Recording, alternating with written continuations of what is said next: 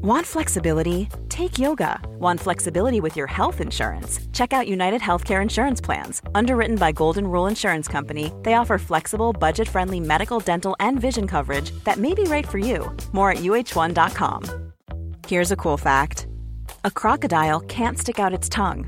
Another cool fact you can get short term health insurance for a month or just under a year in some states. United Healthcare short term insurance plans are designed for people who are between jobs, coming off their parents' plan, or turning a side hustle into a full time gig. Underwritten by Golden Rule Insurance Company, they offer flexible, budget friendly coverage with access to a nationwide network of doctors and hospitals. Get more cool facts about United Healthcare short term plans at uh1.com.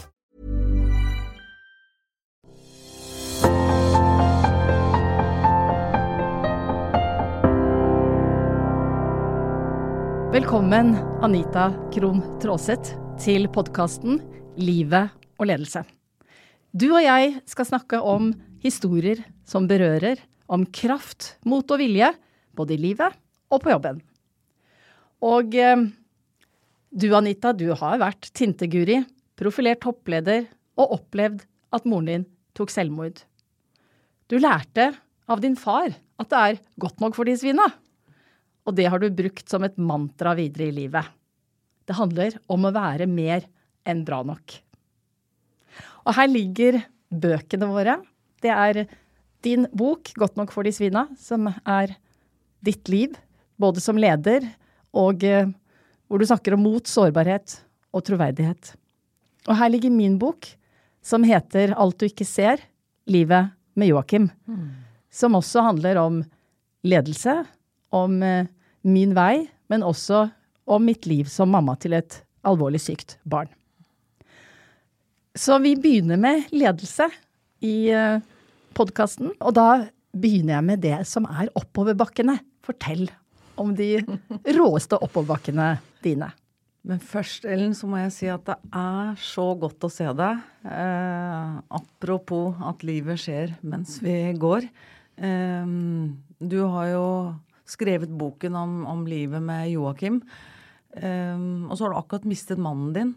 Så det at du i det hele tatt på en måte klarer å være her og tar grep videre Jeg har bare så lyst til å si det, Ellen. For de av lytterne som, som, ikke kjenner vår relasjon, så uh, har jo den nå vært til stede i veldig mange år. Men jeg har så lyst til å fortelle hvordan den startet. Uh, og det startet i, tror jeg, 2014.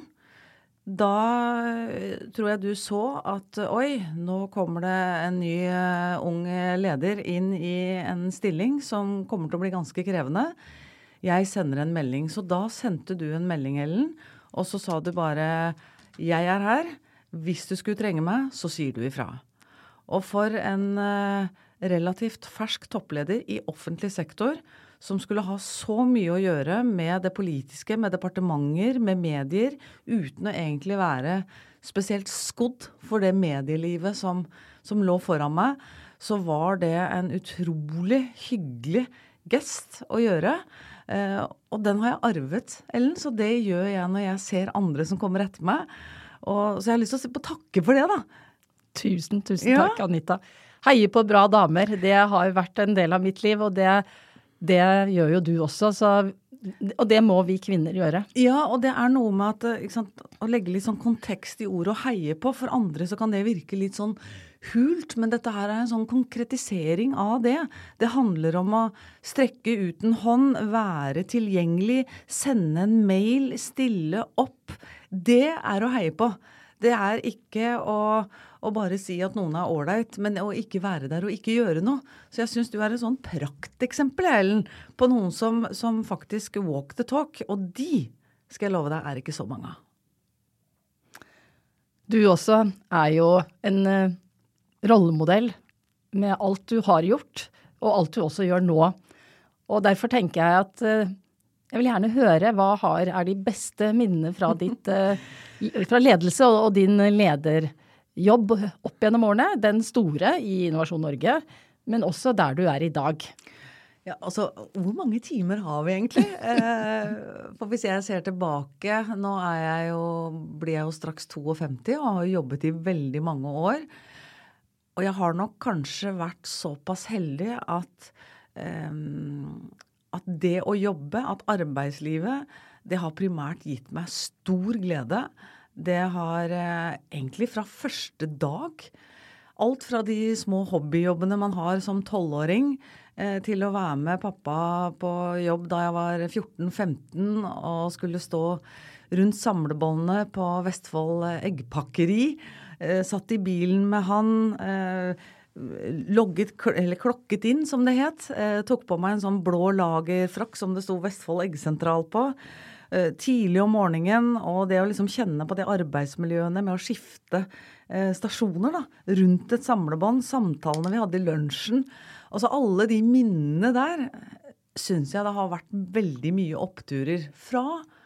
Fra kanskje jeg sendte søknaden og fikk min første hva skal jeg si, ordentlige jobb da, eh, i eh, IBM da jeg var 24 år. Så jeg tror nok det at jeg har hatt en veldig god start på arbeidslivet. Jeg er blitt trent opp i et stort internasjonalt selskap. Veldig tidlig så eh, var i hvert fall IBM på det tidspunktet veldig bevisst på dette her med mangfold, uten at mangfoldsbegrepet ble brukt. Vi var syv kvinner og syv menn som ble valgt ut som traineer. Så da kom jo jeg inn i arbeidslivet og tenkte at ja, men dette er vel likestilt. Og så tok det ikke så mange år, da, Ellen, for jeg skjønte at det ikke var tilfellet. Men jeg hadde i hvert fall en enorm god start. Og det å, det, det å starte som lærling gir deg også en veldig god anledning til å bli kjent med et selskap, bli kjent med ulike arbeidsoppgaver. Så jeg er veldig takknemlig for, for starten. Og så tror jeg jeg har vært sånn hele veien at eh, jeg har stått på, eh, gjort en god jobb. Jeg har dokumentert arbeidet mitt, ikke vært redd for å fortelle om gode resultater, fordi jeg har jobbet mye med salg. Og da, i IT-verden, så handler det om å close dealer, få kontrakter, eh, levere gode resultater. Og da, til et visst punkt, er kjønn sekundært. Og da blir du målt på resultatene dine, og de, eh, de trumfer alt, da. Så det tok litt tid.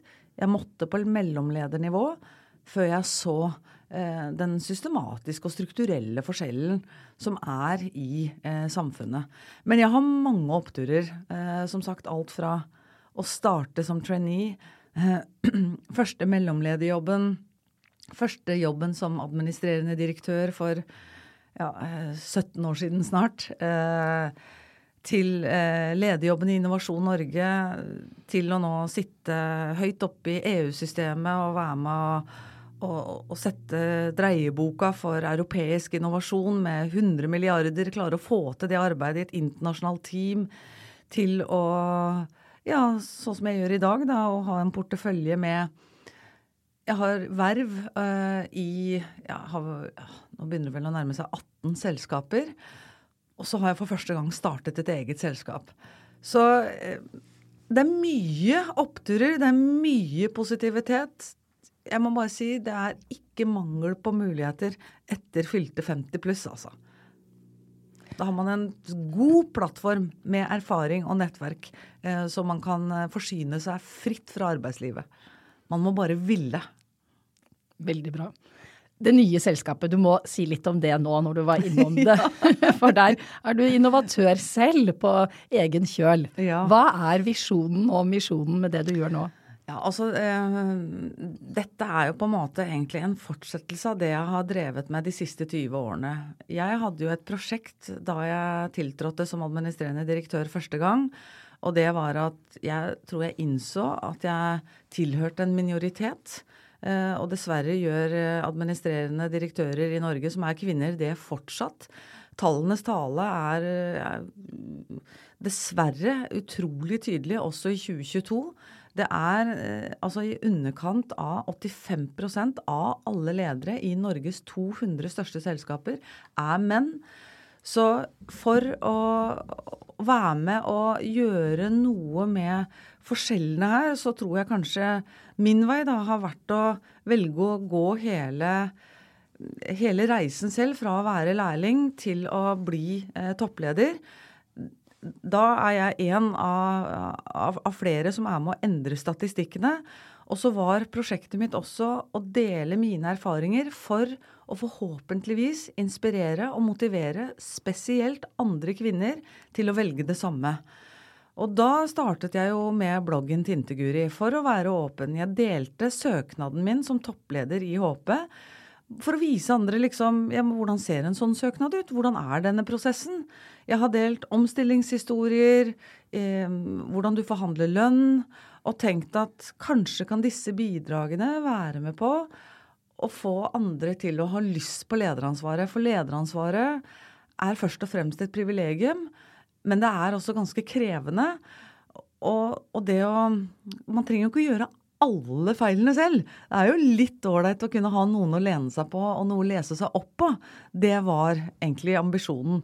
Og da ble du designer, rett og slett? Ja, og det var da, overraskende. ja, og da Jeg har jo, sant, jeg har jo gjort mye rart som, som, har, som, har, overrasket folk. Det er jo ikke så veldig mange som tenker at denne blonde teknodama fra børsnoterte selskaper kan skrive skjønnlitterært. Eh, jeg har jo også gitt ut en roman på Aschehoug så, og jeg har jo startet podkaster og gjort ting som Men egentlig med ett formål, og det er å formidle akkurat det samme budskapet. Så da jeg startet et produksjonsselskap i 2019, høsten, etter jeg var ferdig i Innovasjon Norge i mai 2019, så handlet jo det produksjonsselskapet om å eh, produsere bøkene og podkastene. Og da startet jeg også med og la, egentlig bare for moro. Jeg lagde noen helt enkle T-skjorter for jeg tenkte, altså Det var en observasjon gjennom hele arbeidslivet at det er svært få kvinner som forbereder seg godt til lønnssamtaler. Og det er ganske mange kvinner som ikke tar lønnssamtalen, men tar det de får. Og så viser forskning at det er ikke noe forskjell på menn og kvinner i forhold til evnen til å forhandle. Men det forutsetter jo at kvinnene faktisk tar forhandlingen, og gjør det. Så tenkte jeg ok, så jeg skrev ned på en måte som forslag 16-punktsliste og delte den. Dette må du forberede deg på, dette må du gjøre under møtet, dette må du gjøre etter møtet. For jeg vet også at mange ledere er ganske dårlig forberedt på lønnssamtaler. Så hvis du er litt bedre forberedt, eh, og du går inn med en holdning som ikke handler om ja, men andre tjener mer enn meg, det er dårlig gjort, men heller på en måte snakker om det du leverer, og det du har lyst til å levere, så øker også sannsynligheten i forhandlingen. Og da lagde jeg T-skjorter hvor det sto på skulderen for å prøve å fjerne styggen på ryggen.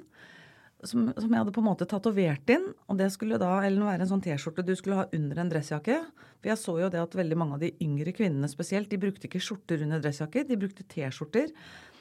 Og så sto det da bakpå skulderen One day I'll be the fucking CEO of this company. Eller det sto I so deserve this pay rise. Eller det sto um, um, One day I'm gonna create my own company. Og det var for å gi den derre ekstra positive dytten. Og kanskje du skulle inn og forhandle lønn en, med en leder du egentlig ikke likte. Men da må du være proff. Du må stå i det. Og så må du eh, på en måte rette deg opp i ryggen. Og så må du forberede deg godt. Du må ha substans. Og så må du bare være en god budbringer av budskapet, og så må du levere. Det var det jeg hadde lyst til. Så sånn begynte kleseventyret. Det begynte med T-skjorter. ja, og nå er det dresser som eh, Det er slow eh, fashion, det er eh, slow rett og slett. Fashion, ja. Og, og, det må jeg også nevne, da, i og med at eh, vi har den relasjonen vi har. For da jeg tok over ansvaret for Innovasjon Norge, så hadde jo Innovasjon Norge også ansvaret for alle klynger. Og en av disse klyngene var jo moteklyngen. Og jeg kunne jo ikke spesielt mye om moteindustrien, og da var du på. Kom igjen, Anita, nå skal du på visning. Nå skal du se hva norsk mote har blitt. Det har blitt veldig mye mer enn det du tror, Anita. Så kom igjen! Eh, så du dro meg med. Jeg, jeg husker jeg syntes det var så ukomfortabelt. Eh, på med sånne røde løper og du, Første rad, vet du. Vi satt på første rad, rad, du og jeg. jeg, følte at, jeg følte ikke at jeg var hjemme. Eh, men jeg ble altså så positivt overrasket, for du hadde helt rett. Det hadde skjedd så mye i norsk moteindustri. Jeg følte at jeg satt i New York, altså. Eh, og det var virkelig mye som, bra som har skjedd. Og det, hvis du ser de siste ti årene, hvis du ser på Holsweiler, Tom Wood, by Timo Altså, det har jo virkelig vært et eventyr. Så, eh, så, så, da jeg begynte å, å liksom diskutere dette her, med å dra dette her videre, eh, så var det egentlig bare å se til egen historie.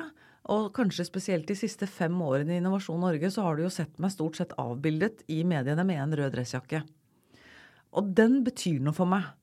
Eh, så er jeg veldig tydelig på at skal du lykkes i jobblivet og i næringslivet spesielt, så handler det først om kompetanse og karakter. Så handler det om påkledning. Og i den rekkefølgen. Det er aldri påkledning først. Um, til og med eh, Anna Wintour i Vogue sa det jo ganske tydelig i år. I don't hire your wardrobe. Og et intervju med henne som var ganske interessant, fordi det er ganske mange som er i intervju med henne som tenker at ok, jo mer spesiell og rar jeg er i klesveien, jo mer interessant er jeg for Vogue. Og hun bare eh, Nei, jeg er på jakt etter kompetanse, kunnskap, eh, talent eh, og sekundært klær. Men så er det også sånn at vi vet jo også at av og til så betyr Altså, vi vet jo at klær betyr noe for signaleffekten.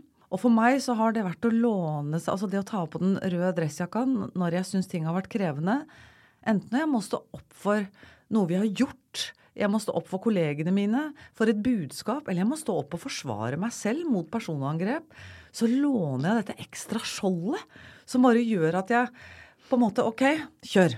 Nå er jeg forberedt. Og da tenkte jeg Hvordan hadde denne suiten eller dressen sett ut hvis jeg hadde laget den selv? Du og jeg, vi har gått i drakter i tusenvis av timer. De er alltid designet av designere, ikke av tidligere administrerende direktører eller eh, styreledere.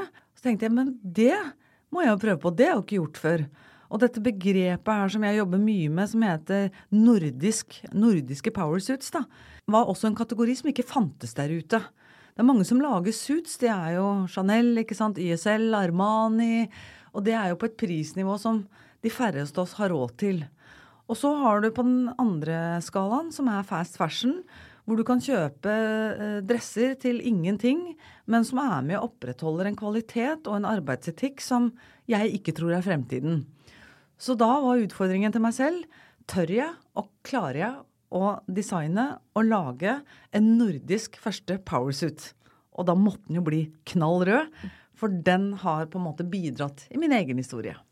Og da var det en av de store girl power-damene i uh, Norge som uh, syns der ute i den store verden også, hun hadde på seg din røde dress. Og det var det var Lise Klavenes. Ja. Og jeg har bare lyst til å fortelle kort bakgrunn for det. Fordi eh, det er også litt av på en måte strategien til Kron, da, som er merkevare. Det er at det skal vokse organisk. Eh, så når vi snakker slow fashion, så handler det ikke bare om materialene og produksjonen, men det handler like mye om markedsføringen og eh, verdikjedene, og også forretningsideen. Så de som du eventuelt har sett med min røde kronsut Ja, for fortell andre som eh, ja, jeg har, har jo fulgt med og sett de røde draktene. Det er alt fra medlemmer av kongefamilien til, eh, til eh, kultur- og likestillingsministeren som valgte å ha på seg den røde da hun sto 8. mars i storsalen i New York i FN og talte kvinners sak. Ingen av disse har jeg kontaktet. Ingen av disse har jeg prøvd å og, det hadde jo vært helt greit om jeg hadde gjort det. Eh, fordi det er vanlig i den industrien. Eh, og, det er ikke noe forkleinelse. Men de har også betalt for drakten. Og det er eh, frakt, f.eks., eh, må du betale for. Og du får den ikke i morgen, du må vente på den, for det er pre-order. En av de største utfordringene i moteindustrien er overproduksjon og feilslåtte kolleksjoner. Det har jeg ikke lyst til å bidra på, til. Og jeg har også lyst til å at vi, vi skal ønske oss noe. Vi skal vente på noe. Eh, og det er klassiske ting jeg lager. Jeg lager ikke sesongbasert mote, men klassiske ting som du skal gi i arv til barna dine. Dette er drakten mamma har vært med og blitt økonomisk selvstendig. Dette er drakten mamma eller pappa, for det er jo unisex. Eh, har, har, har, bidratt til samfunnet. Vi har skapt arbeidsplasser, vi har skapt eh, egenkapital. Eh, vi har skapt et, et, fundament, og vi har skapt læring og nysgjerrighet. Det er det jeg ønsker at vi skal gå i arv, i tillegg til bunaden. Ikke sant? Vi skal ha bunaden også. Men vi kan godt arve arbeidsdraktene, som er for mange suits, da. Men bare sånn kort tilbake til den historien med Lise. Fordi da jeg designet og fikk den første prøven, så, så Den følelsen jeg hadde da jeg tok på meg den første røde prøven, var bare sånn Ja, men herregud, dette er jo det jeg prøver å få til. Jeg var så stolt, Ellen. Og så skulle jeg, hadde jeg blitt invitert av forsvarssjefen, eh, Erik Kristoffersen, til å komme og holde en samtale med han om mot foran og med hans 400 ledertalenter i Forsvaret. Så tenkte jeg alle de er sortkledde. Jeg har jo på meg prøven. Jeg går ned med den røde suiten. Og så kommer jeg ned dit, og der er Lise Klavenes. For hun skal også holde et innlegg. Jeg kjenner ikke Lise Klavenes. Jeg har møtt henne et par ganger i foredragssammenheng. Og så kommer hun bare bort til meg og bare Hva er det du har på deg? Hva er denne drakten? Hva slags merke er det? Og jeg bare Den fins ikke. jeg har laget den selv. Dette blir kanskje en kron, sier jeg. Og så forteller jeg litt om hva jeg vil med dette merket her, da. At det handler om en mer enn en drakt. Og hun bare Ja, men altså, den er så fin. Denne må jeg jo ha. Eh, og så tenkte jeg Herregud, skal jeg ta den av meg? Skal hun få låne den? Jeg hadde jo bare denne ene prøven. Og så endte dette opp med at uh, hennes høyrehånd kom hjem til meg personlig på fredag kveld. Hentet den første prøven. Den var ikke ferdig engang. Den hadde hvit glidelås. Han tok den med til Doha, og der står Lise Klavenes i Qatar, holder taler og forsvarer kvinner og menneskerettighet i den røde krondrakta. Så sender hun meg melding tilbake, og så sier hun ikke er den bare fantastisk å ha på seg, fordi den er jo laga for folk som skal jobbe i den. Um, så sier hun, men den leverer det du sier, Anita. Jeg føler meg trygg. Jeg føler meg sterk. Og da tenkte jeg hvis jeg kan få Lise Klavenes til å føle seg trygg, da er det søren meg godt nok for Isvina. Da tør jeg å trykke på. Jeg tør. Jeg gjør det. Så hun var egentlig hva skal man si, Alle sånne designere har mus, som det heter. Hun var på en måte den første som ga meg selvtillit til å tørre å gjøre det. Og siden har jeg ikke sett meg tilbake. Nå reiste hårene seg her på armene mine. Jeg, fantastisk historie, Anita. Og det er typisk deg. Altså, du, du går så i dybden på alt du gjør, og du gjør det så ordentlig. Og det gjorde du også med norsk design da jeg introduserte deg.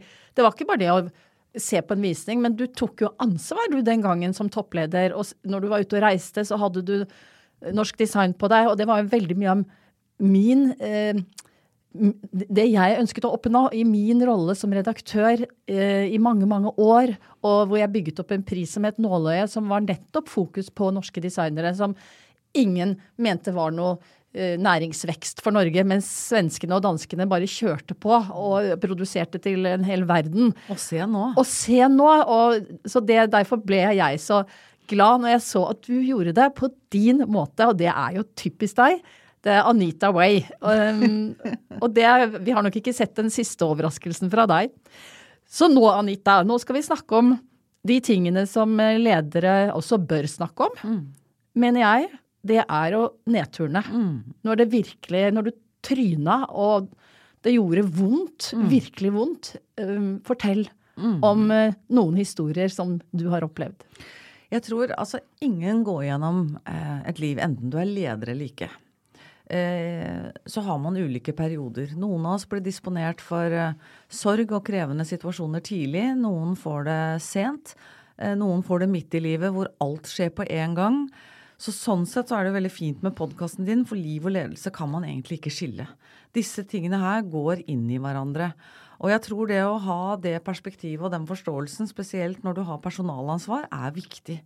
For de som, som du har dette personalansvaret for, de går gjennom ting i sitt liv, og de, de, skal, de, kan man ikke forstå basert på eget liv.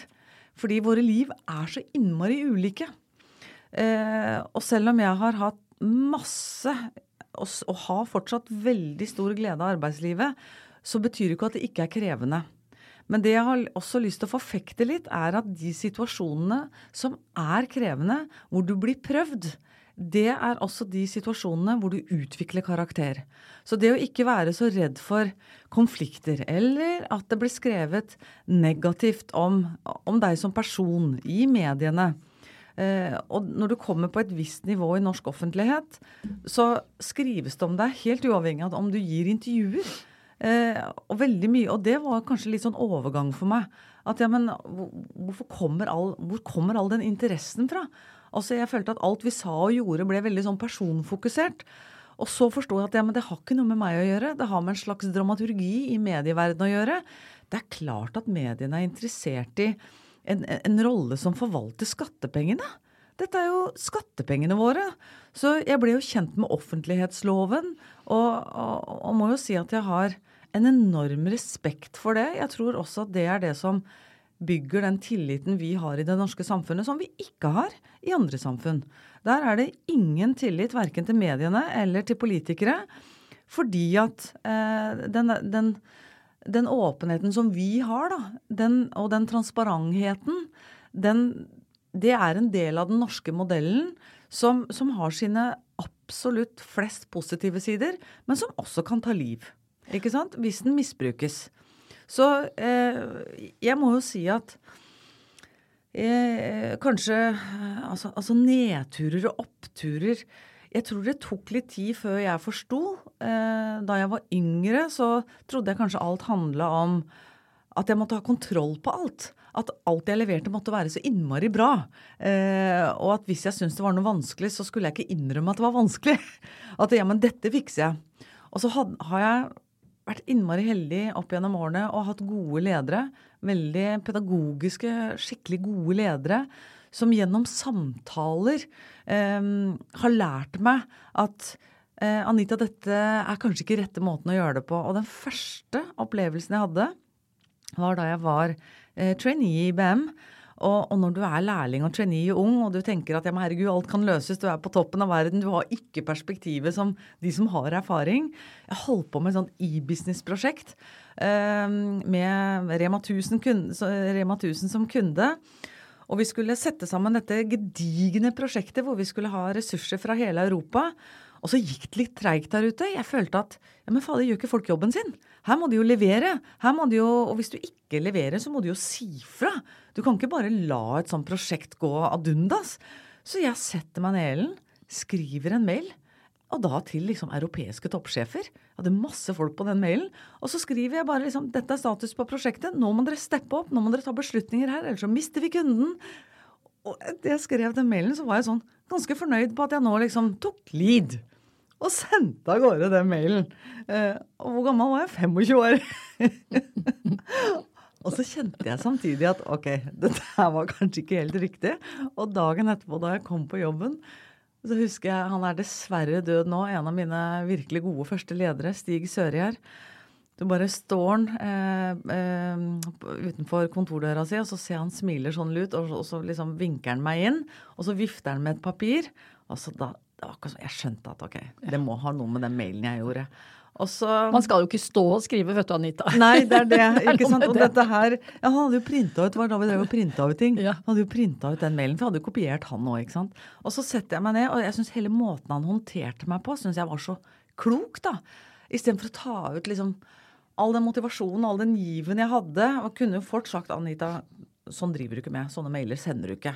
Og gitt meg nesten en liten reprimande, men det gjorde han ikke. Han sa bare Anita. Altså, han var nordlending, ikke sant. Og bare, så går han gjennom mailen, og så sier han bare Anita, dette her, rørleggerspråket, det skriver du ikke. Det snakker du.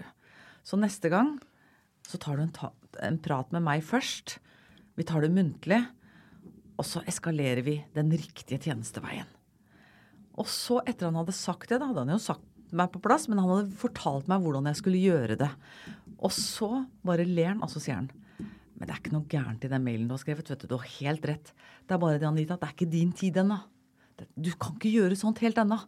Men bare hold på den, for du har rett. Men det er andre måter å gjøre det på. Så jeg gikk ut der og, og, følte meg mer motivert, selv om jeg egentlig ble grundig satt på plass. og det Jeg har takka han helt fram til han døde, dessverre, eh, for at han var en sånn klok leder. Så det var liksom én sånn og så kom Innovasjon Norge. Så kom blogginnlegget. Ja, og, jo, men før det var det jo Håpet. Så var det Håpet Så var det jo Håpet, ikke sant. Og det Jeg husker da jeg var jo den første kvinnelige administrerende i et håpeland i Norden noensinne. Jeg trodde jo sannsynligheten for at eh, kvinner kunne bli leder i det selskapet var relativt lav. Vi kom til et visst punkt, liksom. Men uh, der var EMEA-sjefen helt tydelig, og jeg fikk rollen. Og så skulle jeg møte denne sjefen hos en kunde, uh, og dette var etter jeg hadde fått jobben. Og vi skulle møtes hos denne store norske, et av Norges største selskaper. La oss si det var en onsdag klokka ti. Eh, og jeg hadde gleda meg så til dette her. Og så, Ellen, jeg våkner klokka ti. Altså bare nei. den derre følelsen nei, nei. der. Krise, ikke sant. Mm. Og nå, nå, nå, snakker vi om sånne nå snakker vi om sånne nedturer, sånne ting man ikke burde gjøre, men som jeg også syns at ledere skal være litt åpne rundt. For vi gjør sånne feil. Eh, fordi at det at, at, ledere skal være noe eh, ufeilbarlige, eller at det finnes noe perfekt lederskap, det finnes ikke. Så da, da gikk det så fort i hodet. Jeg tenkte liksom herregud, hva, hvem kan jeg skylde på nå? Er det barn i barnehagen, dårlig vær? Så tenkte jeg, vet du hva, jeg skal ikke ljuge. Jeg skal rett og slett ringe sjefen min og fortelle han at jeg har forsovet meg. Og det satt så inne. Men igjen, en særs klok, bra sjef. Han sier bare Hans Daniel heter han. Han er i kontakt med Enna. Snakka med en eh, forrige uke. Og nå begynner det så å bli fint. mange år siden. Så sier han Anita, inn i dusjen, fort deg, jeg venter på deg. Så kommer jeg ned. At jeg ikke skada meg i den dusjen. Eh, at ikke jeg krasja på vei ned, for jeg var altså så stressa. Kom ned, inn til den kunden. Og med en gang jeg hadde kommet inn i møtet, så gikk det to minutter, så var jo møtet ferdig. Og da jeg gikk ut av det møtet, jeg skamma meg så. Jeg syntes det var liksom så uprofesjonelt. Og det er uprofesjonelt. Dette er liksom Sånne feil som det der, det gjør du ikke flere ganger. Det er bare Og det var akkurat det han sa. Jeg sa til Hans at vet du hva nå, dette her syns jeg dette, Jeg føler meg skikkelig uvel. Det greiene er dønn uproft. Her burde jeg ha kommet til tida. Så kikker han på meg og smiler, og så sier han bare la oss si det sånn, Anita. Nå har du gjort dette en gang. Og det var helt greit at du gjorde det nå. Du kommer aldri til å forsove deg til et møte med meg noen gang siden. Og gjorde jeg det? Nei. Så det er sånne småting underveis. Men så kom eh, den store bølgen, ja. som virkelig hele ja, alle, alle medier, alle medier, fulgte ja. denne bloggen. den Fortell litt om denne historien. Og jeg blogget jo i håpet, og mediene fulgte med da også. Jeg husker da jeg skrev om denne episoden jeg nettopp fortalte, kom det jo en helside i, i, i Dagens Næringsliv som mente var, De kalte det for noe. Eh, Eh, bloggtrivia. At dette var trivielt. At ledere i det hele tatt diskuterer sånne ting. Det burde ikke ledere gjøre. Ledere burde ikke blogge. Eh, det er sånne som eh, sånne rosabloggere. Og så gå og se nå på hva journalister gjør. altså Enhver journalist med respekt for seg sjøl har en podkast. Det var uhørt for mange år siden. Mm. Det er jo bare noe sånne Ja, så, så, ting endrer seg jo. Men jeg var jo tidlig ute med denne bloggen. Men jeg fikk ikke samme nasjonale oppmerksomhet i HP. fordi at da forvalta jeg ikke skattepenger. Det var et børsnotert selskap som ikke alle var så interessert i. Men i Innovasjon Norge så var jo medietrykket annerledes. Mitt mandat var å omstille selskapet. Eh, og det å gjøre det, det eh, satte jo i gang masse eh, motstand. Mesteparten av den motstanden var konstruktiv, nødvendig, gode korreksjoner. Motstand man kan forstå. Men det var også maktspill og faenskap. Eh, og det skrev jeg om i bloggen, og, og på en måte outa og varsla og sa ifra at her er ikke, hos oss er ikke alt i orden. Vi sliter også. Det er usunne ting i vårt arbeidsmiljø. Og bare det å gå ut i 2015 og si at det er et usunt arbeidsmiljø, det gjør ikke ledere. Eh, men det var en helt bevisst årsak til å gjøre. Jeg måtte stoppe det spillet som eh, foregikk. Og en måte å stoppe det på er å si fra. Hey, I'm Ryan Reynolds. Recently, I asked Mint Mobile's legal team if big wireless companies are allowed to raise prices due to inflation. They said yes. And then when I asked if raising prices technically violates those onerous two-year contracts, they said, "What the f*** are you talking about? You insane Hollywood ass." So to recap, we're cutting the price of Mint Unlimited from $30 a month to just $15 a month. Give it a try at mintmobile.com slash switch. $45 up front for three months plus taxes and fees. Promoting for new customers for limited time. Unlimited more than 40 gigabytes per month. Slows. Full terms at mintmobile.com. Quality sleep is essential for boosting energy, recovery, and well-being. So take your sleep to the next level with Sleep Number. With a Sleep Number smart bed, you can individualize your comfort level and enjoy a better sleep night after night. JD Power ranks Sleep Number number 1 in customer satisfaction with mattresses purchased in-store. And now the Queen Sleep Number C4 smart bed is only $1,599, a saving of $300, only for a limited time. For JD Power 2023 award information, visit jdpower.com/awards. Only at Sleep Number stores or sleepnumber.com. Men det er ikke så mange kanaler for en leder å si ifra, fordi eh, man skal ikke. Men, men, vi har ytringsfriheten hvis vi vil. Og så følte jeg nok også det at dette var et prosjekt som ikke handlet om min CV. Jeg var ikke redd for å stå i jobben, gjøre oppgaven, for vi hadde et prosjekt som vi var ganske mange som sto rundt. Og jeg følte ikke at jeg sto aleine heller. Det er mange som sier Helen, at det er ensomt på toppen. Det har jeg aldri følt. Det tror jeg i så fall er et bevisst valg.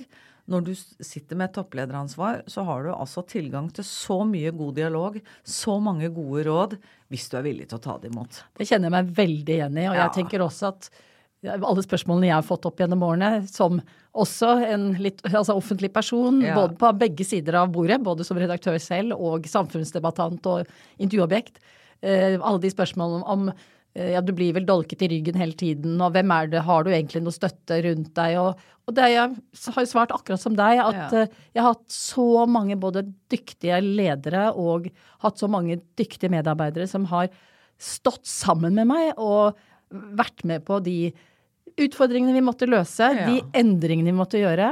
Så også min erfaring er det at det å få med seg flokken, da, er jo noe av det viktigste en leder skal gjøre. Eh, det det fokuset på hvordan skal jeg, sammen med flokken min, ja. få til dette. Og du kan ikke begynne med ledelse når, når på en måte eh, det begynner å storme. Ikke sant? Da er det for seint. Så, så, du må bruke tid til å bygge tillit. Og hadde også, vi hadde jo mange tillitsvalgte i Innovasjon Norge. Eh, og, og, flere av de tillitsvalgte var for meg enormt gode rådgivere. Eh, og jeg må bare si at det å stå i stormen mediemessig eh, og ha LO i ryggen eh, det var en særdeles uh, god opplevelse, altså. Mm. Det, å, det, det, å, se hvordan dette trepartssamarbeidet funker, uh, når, når, når, når, det også kan funke på den måten at de bare går ut og sier fra at vet du hva, måten dere beskriver lederen eller håndterer denne situasjonen der ute nå, vi sier ifra, dette er ikke greit. Men du Så, ble kritisert. Det var jo kraftig absolutt, kritikk. Og kraftig kritikk. hvordan gikk det liksom, hvordan, Når vi skal snakke om livet òg, da. Liv og ledelse som mm. henger sammen.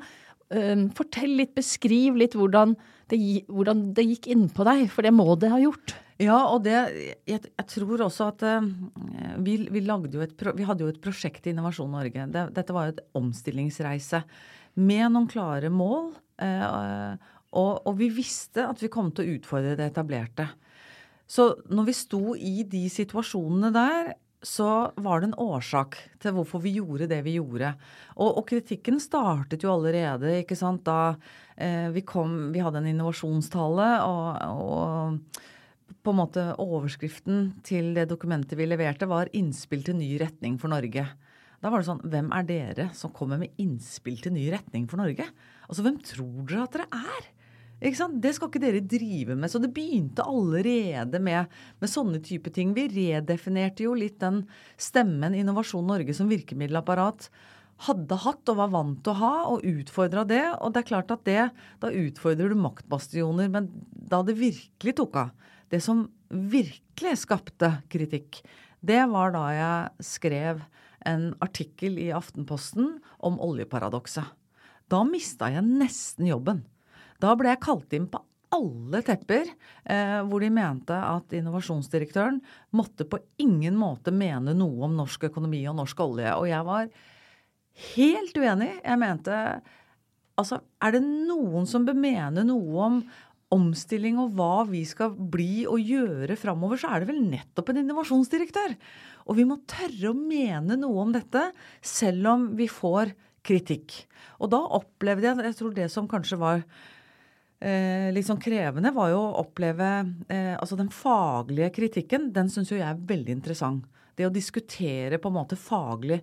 Men når det blir personangrep, og når det blir dirty spill, da, det syns jeg ikke var så lett å håndtere, og da hadde jeg gode rådgivere rundt meg. Alt fra tillitsvalgte som rett og slett avslørte og fortalte hvordan taktikkene var, eh, til en ledergruppe som satt på skift og tok imot ansvar og besvarte spørsmål. Så midt oppe i de kanskje mest krevende blåstene, så følte jeg at det var meningsfylt. Men hva med var det ingen tårer, var det ingen Jo. eh, følelse av at nå, Jo, dette orker jeg ikke, jeg kaster Altså, kortene, altså, nå er det år- nok? Ja, hvert år i Innovasjon Norge så skrev jeg oppsigelsen, men leverte den aldri. Hvert eneste år. Men vi hadde et prosjekt.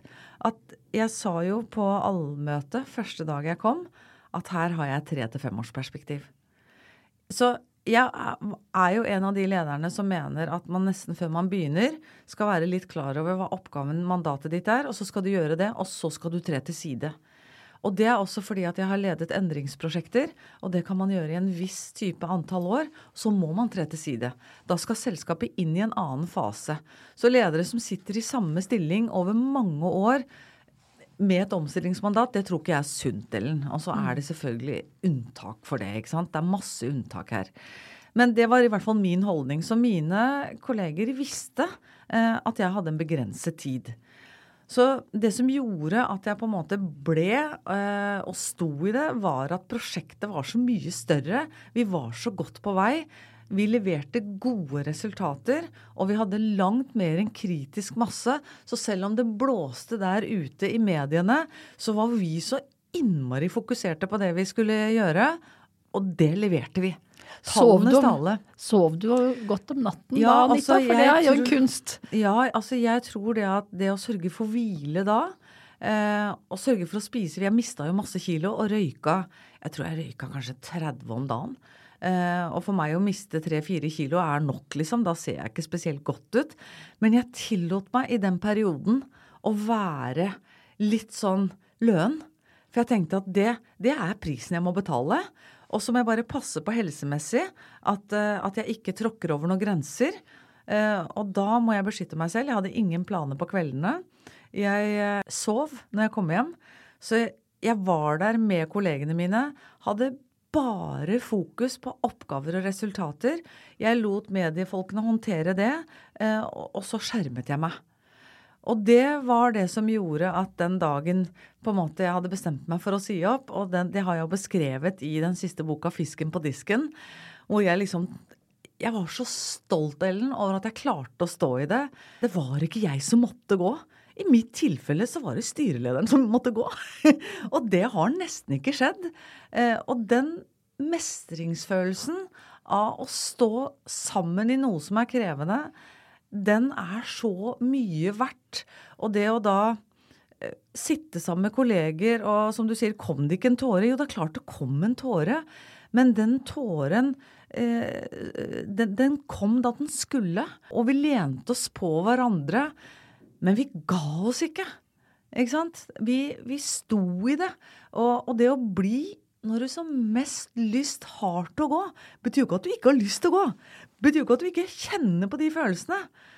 Men det kollektive samholdet, det betød alt for meg. Og jeg har relasjoner med de den dag i dag, Ellen, som er helt unike. Og man må huske på at vind og blåst og konflikter også bygger samhold og relasjoner du aldri ville ha kjent på om du bare pløyer gjennom og unngår alt og bare er, er, på en måte politisk og diplomatisk og ikke tør å ta konflikter. Og når du ikke leder på post fordi det er for vanskelig, eh, og det er det jo mange som velger å ikke gjøre, da går du glipp av også den læringen. Og den er jeg himla takknemlig for. Og den tror jeg administrerende direktører som jeg i dag er styreleder for, er glad for at jeg har. For er det én ting de skal være sikre på, det er at jeg har ryggen deres, altså. Jeg dukker ikke unna hvis det er vanskelig. Jeg står der. En historie om deg er jo også reisen fra Nav og til toppleder. Og i, disse krevende tidene, da, med renter som øker og folk får dårligere råd og mange trenger hjelp. Fortell litt sånn kort om den Ja. opplevelsen da du sto i den køen. Ja, vet du hva, det, det, det var en helt nødvendig opplevelse som jeg i etterkant har forstått har gitt så mye større verdi enn en den følelsen jeg hadde da. Da ledet jeg også et, eh, et toppselskap som eh, eh, og, og, jeg representerte jo eierne, DNB, på dette tidspunktet.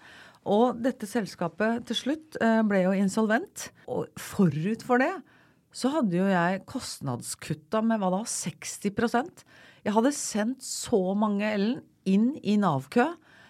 Og jeg tror nok på det tidspunktet at jeg så på det mer nesten som en Excel-øvelse. Fordi at dette er ting toppledere må gjøre. De må kutte kostnader. Og så har du ikke helt den der forståelsen for ja, men hva betyr det da? Når så mange mennesker faktisk mister den faste inntekten. Og det kan jo godt hende at de var de eneste som var bærende for den inntekten. Jeg kjente jo ikke deres familieforhold. Og så til slutt, så, så når selskapet ble oppløst, så hadde jo jeg krav til selskapet og måtte jo selv inn på Nav for å melde det kravet. Jeg visste ikke hvor Nav-kontoret var engang. Og jeg husker det her, den dagen her var så tydelig. Var på Solli plass. Altså Sommero, der var det jo Nav.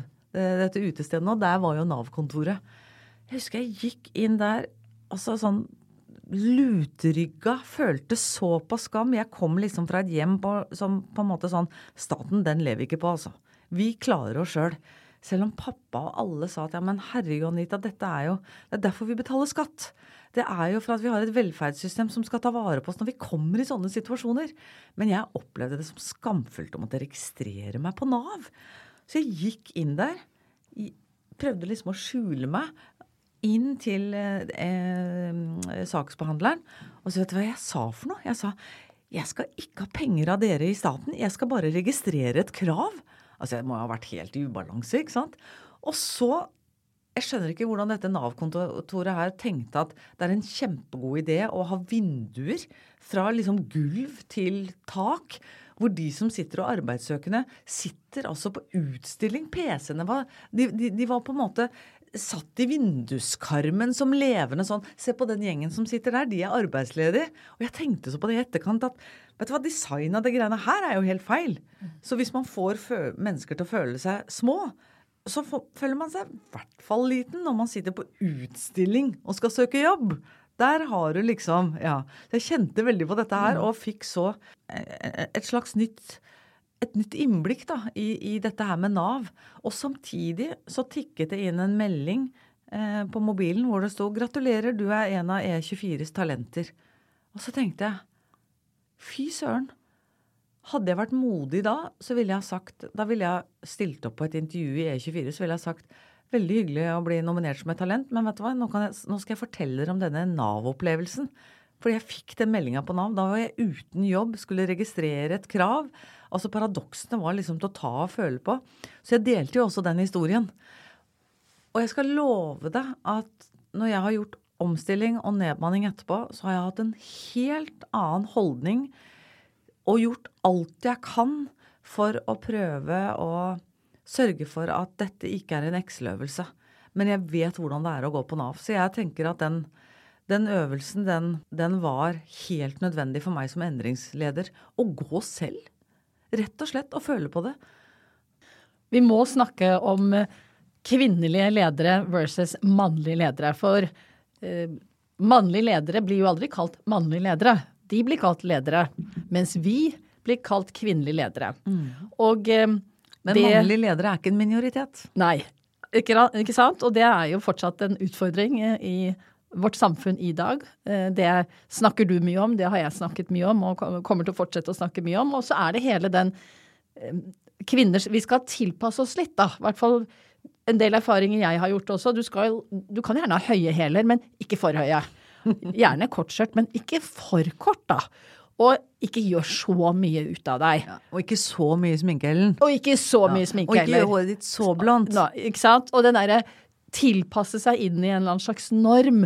Eh, den tror jeg vi har kjent på, på begge to. Og hva er ditt råd til ledere, da? Kvin disse kvinnelige lederne som fortsatt eh, har eh, et annet navn enn en menn som er ledere. Hvordan skal vi tenke? Hva tenker du?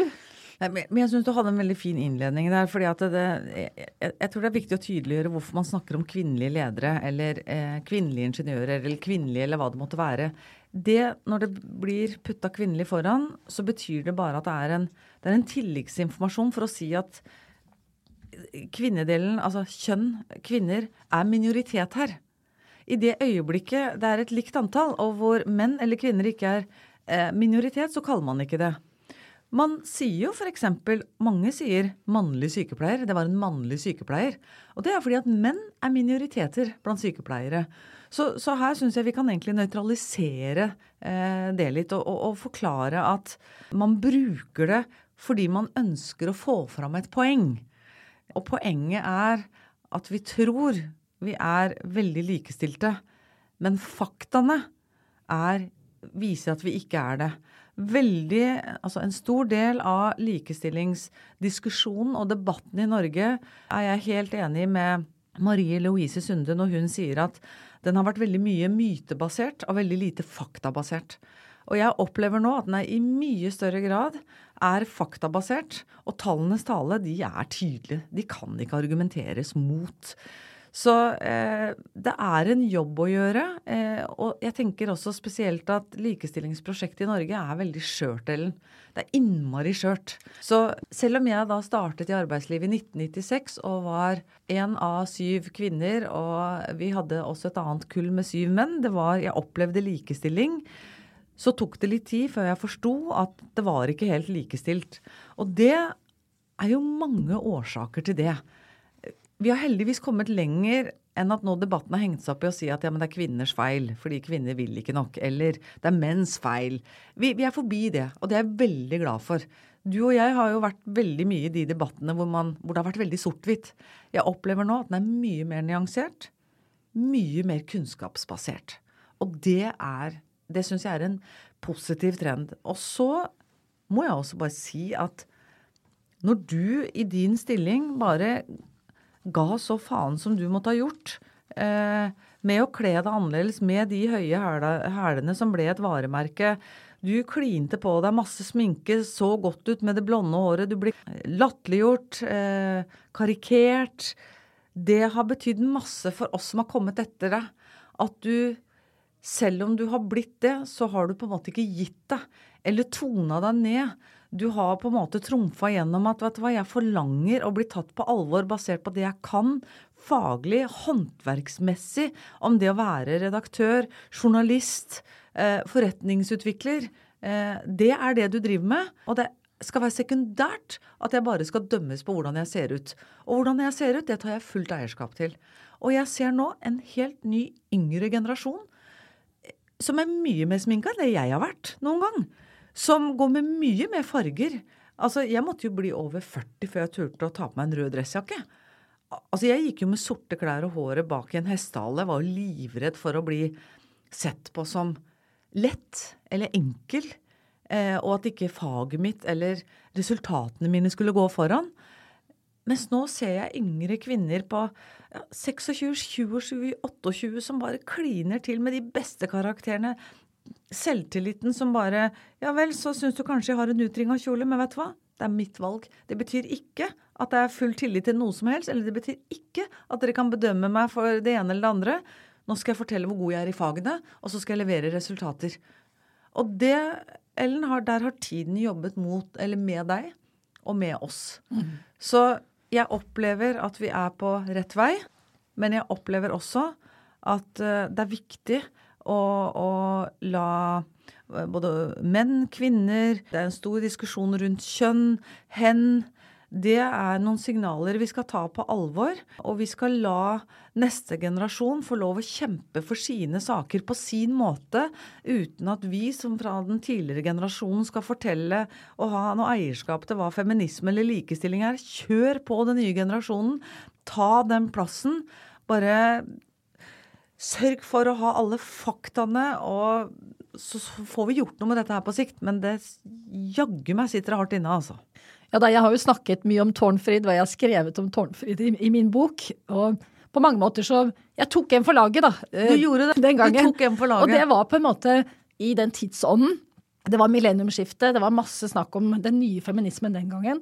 Eh, og da har jeg lett godt med Tårnfrid, for jeg tenker også at selvironi og den der Ja, i dag har jeg vært litt Tårnfrid, da, faktisk. Jeg har løpt litt for fort. Mm. Det, det, det, det er mange baller i lufta, og kvinner har mange, og de tar mange. Så, så det Jeg syns jo figuren er veldig eh, altså, eh, Otto Jespersen traff jo tidsånden spesielt da på slutten av 90-tallet. Og eh, det er lov, og det er på en måte lov innimellom å eh, le litt av seg selv òg, da. Ja. Ikke sant? Men Ellen, du skal egentlig ta det som et kjempekompliment, fordi at eh, når det gjaldt eh, forbilder eh, og rollemodeller i forhold til lederskikkelser og kvinner, det eneste vi hadde, det var Gro Harlem Brundtland. Og det som var så fint med Gro Harlem Brundtland, var at selv om jeg ikke er politisk engasjert, men samfunnsengasjert, så, jeg, så gikk hun foran og viste meg at vet du hva, det spiller ingen rolle om du er eh, kvinne. Du kan, du kan, bli hva du vil. Så hun hadde en slags sånn eh, hva skal jeg si, tverrpolitisk, tverrfaglig nedslagsfelt langt forbi politikken. Så da du ble eh, karikert som Tårnfrid, så fikk jo jeg også en rollemodell der. Og en rollemodell som da forberedte meg på latterliggjøringen. Og hadde ikke jeg blitt forberedt på det, for det, det, det gjør Tårnfrid. Den forteller deg at er du businesskvinne og går med drakt og har blondt hår i tillegg, da, da, kan du bare vente deg at det kommer til å være holdninger rundt din person. Så den forberedte meg på det. Så det, det, det er noe positivt, rett og slett. Vi, har, vi snakker mye om eh, kvinnehelse om dagen i et likestillingsperspektiv. Kan ikke du fortelle litt om eh, det du gjør i forhold til døtrene dine hjemme? Ja, fordi at jeg er nok, når det gjelder Hvis vi skal snakke om helse, da. Eh, er det én ting jeg kanskje har vært dårlig på opp gjennom livet, så er det å ta vare på egen helse. Jeg tror jeg har levd godt og lenge på at jeg har hatt flaks med å være veldig lite syk. Eh, så det er jo kanskje en sånn oppfordring. Ikke gjør som meg der. Eh, vit hvem fastlegen din er. Eh, gå til årlige sjekk. Det har ikke jeg drevet med. Og bare håper å si knock on wood. og, fordi jeg vet jo at jeg tar jo i virkelig ikke helse som en selvfølge. Uh, mistet jo moren min tidlig pga. helse. Så, så, jeg burde være mer bevisst på det. Jeg har nok i alle år vært veldig opptatt av, av den mentale helsen. Da. Og hvor viktig den er for eh, et godt liv, for gode dager. Og så igjen så, så, tror jeg nok kanskje også at jeg er litt sånn født inn med et positivt syn på, line, på livet. Og det har ikke kommet av at jeg ikke har opplevd krevende ting. Det er jo fordi jeg tidlig ble disponert for at livet ikke er spesielt optimistisk. Jeg opplevde jo tidlig at livet er skjørt og at det kan forsvinne. Så fordi jeg da er frisk, fysisk og mentalt, så kan jeg ta valg. Og da har jeg tatt valget om at i enhver situasjon som er krevende, så skal jeg prøve, selv om det er vanskelig, å finne noen holdepunkt som gjør at jeg kommer meg gjennom det. Og så er jeg veldig klar over at det er valg som ikke alle mennesker kan ta. Fordi alle har ikke verken psyken eller har et liv som gjør at de kan ta de valgene. Og det har jeg dyp respekt for. Men jeg må bare gjøre det jeg kan, og så har jeg prøvd å, å, å formidle det videre til døtrene mine. Men mine tre døtre er tre helt forskjellige individer. Og, og, jeg vet at det er mange som sier ja, men hvordan kan de ha blitt så Eller hvordan, hvordan er barna mine så forskjellige? De har fått lik oppdragelse. Jeg tror nok ikke jeg har drevet med lik oppdragelse. Fordi tre døtre krever tre forskjellige typer oppdragelser. Det jeg kan si til Hanna for å motivere henne, kan være noe helt annet enn det jeg sier til Milla. Eh, eller håndtering av, av, Martine. Så jeg tror nok jeg har prøvd å, å sett litt hvem de er. Eh, og så har jeg vært veldig opptatt av at de skal få forme seg og oppleve frihet og ha for lite føringer rundt hvordan de skal få utvikle seg. Rett og slett. Jeg håper og tror at jeg har fått til en del av det, da. Og så har du ikke vekt hjemme. Nei. Og det For døtrene jo... dine vet ikke hva en vekt er, omtrent? Eh, nei, og, det, og, det, vet de jo garantert, men, men, fordi at jeg vet at eh, dette her med vekt og, og, slanking, og spesielt Dette er jo også en generasjon som har, er vokst opp veldig mye med, med Instagram og sosiale medier og får kanskje et litt annet påtrykk enn enn du og jeg fikk i våre generasjoner, da. Så har jeg, all, jeg har aldri hatt vekt i huset. For jeg tror det er en uting å gå og veie seg. Jeg tror ikke det handler om det i det hele tatt. Og så har jeg vært veldig tydelig overfor mannen min, Knut, eh, og sagt at eh, Knut, jeg skal ikke sette noen regler for deg her i livet. Du skal finne ut av ting sjøl. Men det er én ting du ikke får lov til. Og det er å kommentere negativt hvordan våre døtre ser ut.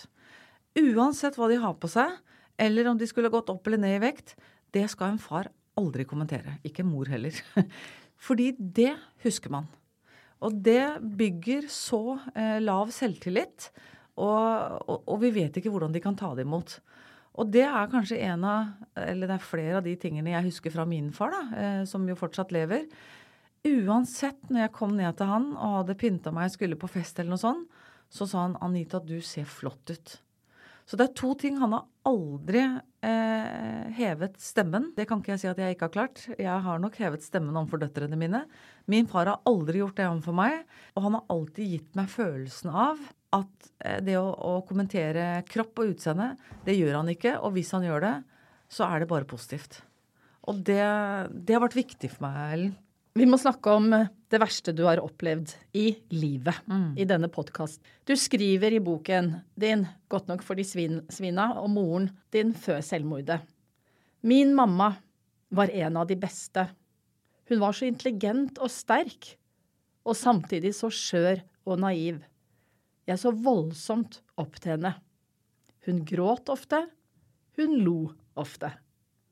Mamma hadde perioder da hun var så langt nede at jeg satt oppe om natten og prøvde å overtale henne til å ville leve. Fortell om den dagen da du måtte ta inn over deg denne forferdelige beskjeden. Mm. Hva skjedde? Altså Jeg vokste jo opp med at hun hadde det som vi i dag kaller eh, å være bipolar. Men det, vi hadde jo ikke noe ord for det før. Det het angst. Så før hun da dessverre lykkes med å ta sitt eget liv, så hadde hun jo prøvd det før. Ikke sant? Sånn at eh, hele min ungdomstid handlet jo om usikkerhet rundt dette her. Men man er aldri forberedt når det skjer, uansett. Vet ikke, man vet ikke hvordan man vil reagere før man står i det. Og dette her husker jeg så godt, fordi det her var sankthansaften eh, på natten til 25 juni, er det ikke det? Jeg tror det er det. ja. Så eh, jeg hadde lagt meg. Jeg hadde sikkert vært ute og festet med noen venninner. Jeg bodde hos eh, eh, pappa. Og så bare hører jeg at pappa roper på meg. Eh, han var i første etasje. Jeg lå og sov på rommet i annen etasje. Og du vet når foreldre har litt sånn rar stemme, så hører du med en gang. Så jeg hørte at han var litt rar. Og så gikk jeg ut. Og så, så ber pappa meg komme ned. Og så gikk jeg ned trappa, og så så jeg han sto liksom i gangen. Og, og jeg kjente ikke helt igjen liksom uttrykket hans. Og så kikka han mot ytterdøra, og der sto det en mann. Så tenkte jeg, hva? Altså, jeg kobla ikke der og da. At det var, jeg ante ikke der og da, for da hadde det vært noen år siden hun hadde forsøkt å ta livet sitt. Og så sier pappa bare Anita, eh, det er presten. Og da skjønte jeg det jo. Og jeg er jo ikke religiøs, og prester for meg betyr egentlig ikke så veldig mye.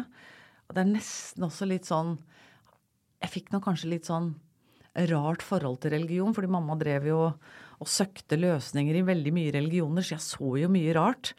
Og var kanskje litt sånn skeptisk til uh, alle ting som skulle på en måte Jeg følte at mamma kanskje var en litt sart sjel, da. Og søkte trøst i mye, og at en del av de miljøene kanskje utnytter det lite grann. Og var, var, litt skeptisk. Og så bare, husker jeg ble bare stående i gangen, og så husker jeg ikke helt om det var pappa eller presten som sa det, men da var det liksom 'Mamma er død'. Så husker jeg ikke noe mer. Jeg husker bare at jeg gråt og gråt helt til jeg besvimte. Og jeg husker ikke dagen etterpå, heller. Jeg husker ikke, husker ikke hvor søsknene mine var. Jeg husker ikke hva jeg spiste. Jeg husker ikke hva vi gjorde. Jeg husker ingenting. Det er på en måte som blotta ut. Ehm, men det jeg husker, det er jo at da jeg var liten og på en måte vokste opp med, henne, med, med all den usikkerheten da, rundt det å ha en ganske ustabil eh, hjemmesituasjon med mamma, og aldri egentlig visste helt hva som møtte meg når jeg kom hjem. Så jeg hadde jo med, aldri med meg venner hjem fra skolen. Det var ganske Og så tenkte jeg, men det er jo ikke alle som har eh, på 70-tallet. Eh, og jeg visste ikke hvordan andre hadde det. Men den, den uh, usikkerheten, den uh, manifesterte seg i maven. Så jeg hadde egentlig alltid vondt i magen. Og jeg tenkte at ja, da fikk jeg det. Andre eh, har et defekt hånd eller eh, har andre type skavanker. Jeg har vondt i maven. Men fra den andre, altså dagen f- fem- fem- 26. juni så forsvant magevondten. Den var borte, og jeg har aldri hatt sånn vondt i magen noensinne noe igjen. Det var som en sånn dyp fortvilelse. På en måte slapp taket. Og det som? Og igjen så prøver jeg da å finne positive ting. For det, altså, altså jeg mistet jo moren min altfor tidlig. Du var bare Eh, 19 år. Mm. Jeg var bare 19 år. Og, men vet du, hun, jeg husker henne så med kjærlighet. Jeg husker, altså jeg, jeg hadde en relasjon til henne og en nærhet og en kvalitetstid med min egen mor som jeg har venninner i dag som de aldri har hatt. Så, jeg, så selv om jeg ikke fikk henne i antall år, så fikk jeg henne eh, altså, Og så tror jeg også at jeg har arvet Altså morsarven fra henne da, er en, er en styrke jeg har fått ved, Altså jeg føler liksom at at det, det magevondte og den styrken i krevende ting, det er den ekte morsarven fra henne. Og så vet jeg jo at det bare er tull. Men det spiller ingen rolle. Hvis jeg ser det som det, da tar jeg det som det. Eh, ja. Hva, fortell hva du og søsteren din gjorde rent Ja. sånn konkret i en så krevende situasjon. Vet du hva, da Altså, det som Det som var krevende med å øh, miste mamma liksom til selvmord i en liten by, var jo ikke bare ens egen sorg, men det var andres forventninger til hvordan du skal sørge. Det syns jeg var krevende. Alle på en måte snakket, og, og det var jo bare velment. De ville bare vel. Men det å liksom høre eh, det jeg da sikkert kalte som eldre damer, da, på en måte møte oss i byen med et sånt blikk hvor de liksom syntes så synd på oss, og de på en måte snakka moren min ned. Vet du, da ble, jeg ble litt sint, Ellen. Var liksom sånn Hvem er du som snakker ned moren min, som levde i et mørke du ikke aner hva er? Det er jo klart at det er jo ingen frisk mor som velger å dra fra barna sine. Jeg følte at jeg hadde lyst til å bare sette de på plass, og det gjorde jeg jo ikke. Jeg var jo helt Jeg bare tok imot på en måte en slags misforstått kjærlighet. Som søsteren min og jeg, vi, vi måtte jo rydde ut av mammas leilighet, ikke sant. Så vi, vi satte oss inn i hennes røde stasjonsvogn Nissan Bluebird, kjørte ned til Danmark, drakk oss fulle, grein, hulka, var sammen. Det var altså Jeg, jeg tenkt på det i etterkant, denne, denne turen og denne bilturen i denne Igjen rød. Altså rødt forfølger meg overalt. Hun hadde jo denne røde Nissan Bluebird. og hvordan vi på en måte forsona oss med vår egen oppvekst og med vår egen historie, og bestemte oss da for at nå, når vi kom hjem, nå går vi videre. Hun studerte eh, på Academy of Art i San Francisco, og jeg skulle ta eh, studiene videre. Vi skulle ta tak i eget liv eh, og vise at eh, vi skal klare oss. Du skriver også i en kronikk i Aftenposten som da heter 'Morsarven Anita'. Eh, og der snakker du om at eh, dine erfaringer, da eh, Og jeg kjenner meg igjen i det når livet er virkelig tungt, og man mister eh, sine aller, aller nærmeste, så eh, kaller du det, eller du refererer til forskere som kaller det posttraumatisk vekst. Det må jeg høre mer om. Ja, altså Jeg fikk jo høre eh, da jeg mistet moren min tidlig, og det, og det må jeg si, det fantes jo ikke noe, fantes jo ikke noe landsforeninger for eh, etterlatte av selvmord. Det fantes, altså, jeg fikk ikke noe psykologihjelp. Det var ikke noe Men jeg, jeg leste meg jo opp da til at uh, det var på en måte forventa at, uh, at jeg skulle gå disse sorgstegene. At jeg måtte gjennom ganske smertefulle steg før jeg kom til det femte steget, som var aksept. Og jeg fikk så dårlig samvittighet fordi jeg gikk veldig tidlig til aksept. Jeg forsto veldig tidlig at hennes død hadde ikke noe med meg å gjøre. Eh, Jeg hadde ikke vært et dårlig barn, eller eh, jeg var ikke et barn som hun ikke ville ha. Det var ikke vår skyld at, eh, at vår mor led av depresjoner, av dype depresjoner. Det hadde ikke noe med oss å gjøre. Sånn at jeg, jeg tok ikke noe ansvar for hennes død. Ehm, og hadde ikke noe skamfølelse for det. Jeg prøvde bare å, å, å ta tak i det jeg hadde lært av henne, og alle de gode minnene, og kanskje bare ikke ta det som en selvfølge at jeg, at jeg fysisk og mentalt er såpass sterk, da. Og at det er en gave å være, for det er det så mange som ikke er. Og at jeg skulle da stå på litt ekstra, eh, at jeg skulle være samfunnsengasjert. Mamma var jo veldig opptatt av det. Så når jeg okkuperte hus da jeg var 13, så sto hun og heia på meg. Hun sier 'du er sterk, du må stå på for de svake'. Kom igjen nå, Anita. Mens andre ville sagt 'du skal ikke okkupere, du skal ikke assosieres med sånt'. Mitt barn skal jo ikke det. Mens jeg, jeg fikk en veldig sånn dytt av henne på å være modig. Jeg tror mamma hadde vært kjempestolt hvis hun hadde lest oljekronikken.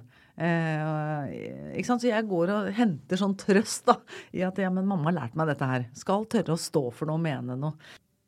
Dette her var veldig, veldig krevende. Og så leser jeg bare helt plutselig i Aftenposten om en ny forskning, det her var i 2012-2013, om posttraumatisk vekst. Og det har vært så innmari mye fokus på posttraumatisk stress.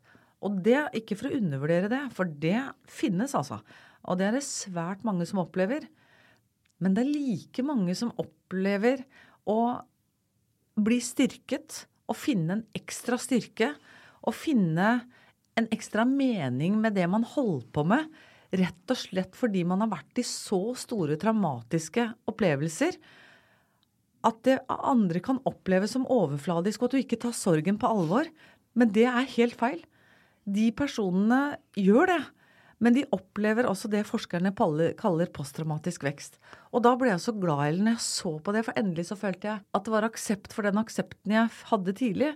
Så da jeg lanserte boka Godt nok for de svina i 2014 rundt kvinnedagen, så inviterte jeg jo de forskerne på lanseringen. Det var jo selvfølgelig ingen medier som skrev at jeg hadde toppforskere fra dette her. Det var jo bare smileys og svin og blogger og sånn. Men for meg så handla dette her om å fortelle andre og gi andre håp at selv om du har hatt en oppvekst som er ganske krevende, så trenger ikke den å definere hvem du er resten av ditt liv. Og du skal ikke ha dårlig samvittighet for at du kommer deg videre og ikke sørger nok. Folkens, det fins noe som heter posttraumatisk vekst, og her er ekspertene, og her er forskningen. Hør! Lær, bli motivert.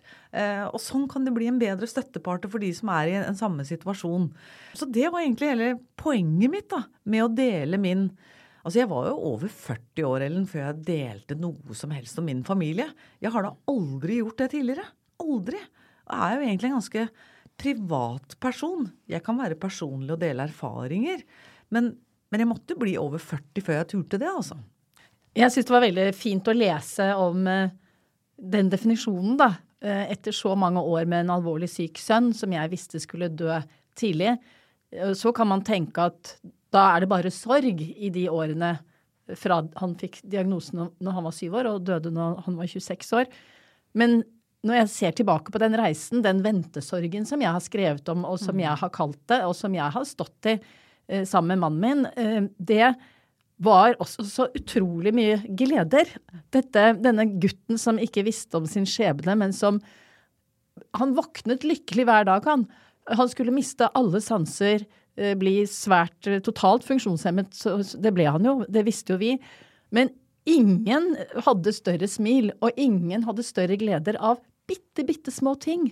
Så for meg så ble et sånt, det ble et mantra, sånn lyden av lykke hvis jeg kom hjem fra jobb og, gangen var full av eh, barnesko, og det var mm. masse gutter nedi på lekerommet i kjelleren, og det var rot, det var legoer overalt, og jeg vet ikke hvor mange ganger jeg ryddet opp de legoene inn i kasser, i og med at han også uh, ja, ble, ble, jo sakte, men sikkert blind, så han måtte vite hvor alt var.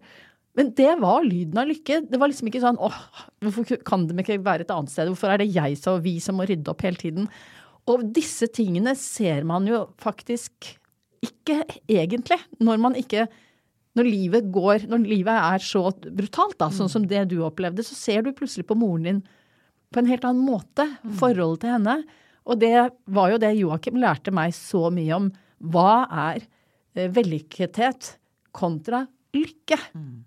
Og det er noe helt annet. Det å eh, stå i krevende ting, da. Det å på en måte stå som jeg, jeg, pleier å bruke denne metaforen, at av og til eh, så må du åpne den døra til kjelleren. Ikke sant? Det dypeste mørket i deg selv. Og så Forskjellen da kanskje på min mor og meg var at når hun åpnet den døra til den kjellerdøra, så, så gikk hun jo helt ned og forble helt nederst i rommet. Mens jeg kan kanskje gå ned et, eh, et, et trinn, kanskje to trinn, kanskje tre trinn. Og så kan jeg stå der, kjenne på gufset. For du må inn i det mørke. For det er masse læring der. Det er masse Altså alt dette, alt dette vonde, alt dette sorgen, all, all den derre fortvilelsen og alt dette her.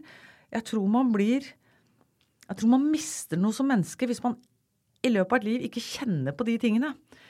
Forskjellen var bare at jeg kunne kjenne på de, og så gå de trappetrinna opp igjen. Og så leve et normalt liv. Mens det er noen av oss mennesker som ikke klarer det. De klarer ikke å komme seg opp igjen. Og det tror jeg nok jeg tidlig fikk en sånn dyp respekt for. At menneskesinnet og psykologien, den treffer oss så forskjellig. Eh, derfor så blir det veldig feil da, altså dele disse mestringshistoriene som gjelder for meg. Det kan kanskje inspirere noen i sine liv, men, men, jeg er nok veldig sånn tydelig på at alle må skrive sin egen dreiebok. Og den dreieboka der er det bare du som eier. Og det er jo derfor jeg har skrevet nå tre bøker. Det er, å, det er sånn Jeg skriver det for kanskje i framtida så leser en av døtrene mine, eller kanskje en av mine barnebarn, en eller annen setning av hun derre gærne bestemor som skrev et eller annet som gjør at de blir kjent med kvinnehistorien i sin familie. For jeg skriver både om moren min og om bestemoren. Og at de kjenner til kvinnedelen, og at de kanskje kan, når de trenger det, trøste seg med en setning eller en historie som er fra deres egen familie. Det er verdien av å skrive. Du avslutter også kronikken eh, med din mellomste datter, som da var fire år.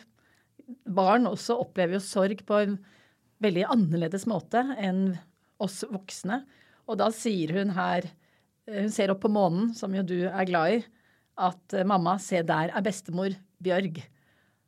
Og så sier hun stille, kikket opp på månen igjen og sa med en lavmælt røst Hun sier hun har det bra, mamma. Mm. Det er jo litt sånn fra barna man skal høre det. Det er magi, vet du. Det er jo det. Så det er metafor, det er som, metafor. som for deg var viktig å ta med deg videre fra mm. din egen lille datter. Og eh, min datter mistet jo pappaen sin nå, hun er elleve år, og hun har da eh, lagd en, eh, et opplegg da, som jeg må, må løse for henne. og det er å en, Hun skal ha en ballong som hun skal skrive på, um, og som hun skal den skal reise opp til himmelen ja. til han. Og det er også en sånn konkret, veldig Eh, fin eh, måte å Hun får noe hold i. Noe veldig mm. konkret nå. At det er en fin måte å, å møte sorgen på. Mm. Eh, og hun, hun, går med liksom skjortene hans og uh, godlukten hans som hun sprayer på seg, som også er veldig sånn veldig ja, konkret, og, og jeg tenker på lukt som et minne. Men det gjorde jeg i mange år. Den gamle kosebuksa til mamma. Mm. Jeg tror jeg brukte den til noe helt revet i stykker. Og jeg husker jeg ble så lei meg akkurat når, når den lukta forsvant. Og da bare sånn Å nei, nå er den borte. og det var, altså, den, den, var så løen og så slitt. Så det tok meg kjempemange år før jeg på en måte resirkulerte den. Men da, da ble det også en greie for meg. At nå, nå har jeg fått masse kos og trøst fra den. Nå, nå trenger jeg den ikke mer. Nå, nå, skal jeg gjøre noe annet. Mm. Så de metaforene der, og det, det, at du kan holde i den ballongen og se den gå opp, ikke sant, ja, det høres, høres veldig fint ut. Mm. Vi avslutter med det som er blitt et veldig kjent, eh, en liten kjent liten setning. Godt nok for de svina. Du må bare fortelle historien om hva det handler om. For det tror jeg også er en litt sånn kraft og mot og vilje i for mm. andre å høre på. Så fortell. Ja, den, den handler primært om å, å, sette grenser, sånn at ikke vi ender opp i fosterstilling i disse hjørnene her, noen av oss, i løpet av et liv. Men at vi, at, vi, at vi, klarer å sette grenser. Og det er jo et begrep som kommer fra min far. Så, og det kommer egentlig på når han Altså det er han som kalte oss barna svina. Så svina er jo folk du er glad i. Det er jo ikke, er jo ikke folk du ikke er glad i. Det er folk du er glad i.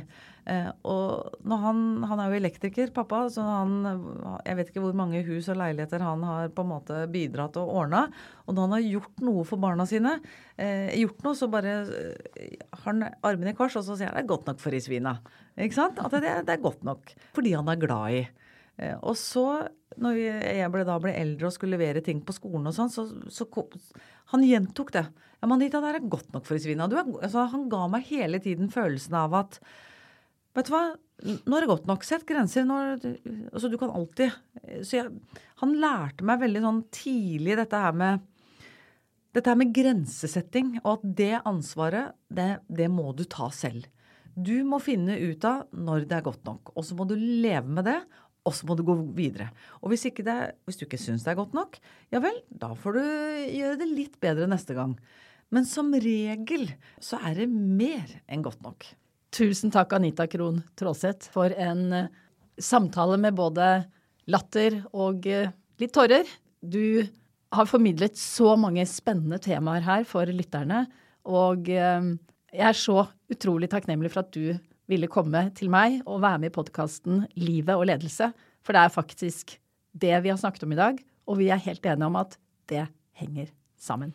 Henger helt sammen. Og igjen, tusen hjertelig takk for at jeg fikk komme, og tusen takk for at du tok en for laget og har gått de skrittene som gjør at det har vært litt enklere for meg å gå bak deg, Ellen. Tusen takk. The number one selling product of its kind with over 20 years of research and innovation. Botox Cosmetic, out of botulinum toxin A, is a prescription medicine used to temporarily make moderate to severe frown lines, crow's feet, and forehead lines look better in adults. Effects of Botox Cosmetic may spread hours to weeks after injection, causing serious symptoms. Alert your doctor right away as difficulty swallowing, speaking, breathing, eye problems, or muscle weakness may be a sign of a life threatening condition. Patients with these conditions before injection are at highest risk. Don't receive Botox Cosmetic if you have a skin infection. Side effects may include allergic reactions, injection site pain, headache, eyebrow and eyelid drooping, and eyelid swelling. Allergic reactions can include rash, welts, asthma symptoms, and dizziness. Tell your doctor about medical history, muscle or nerve conditions including ALS or Lou Gehrig's disease, myasthenia gravis, or Lambert Eaton syndrome and medications, including botulinum toxins, as these may increase the risk of serious side effects. For full safety information, visit BotoxCosmetic.com or call 877 351 0300. See for yourself at BotoxCosmetic.com. Takk for at du lytter på Liv og ledelse.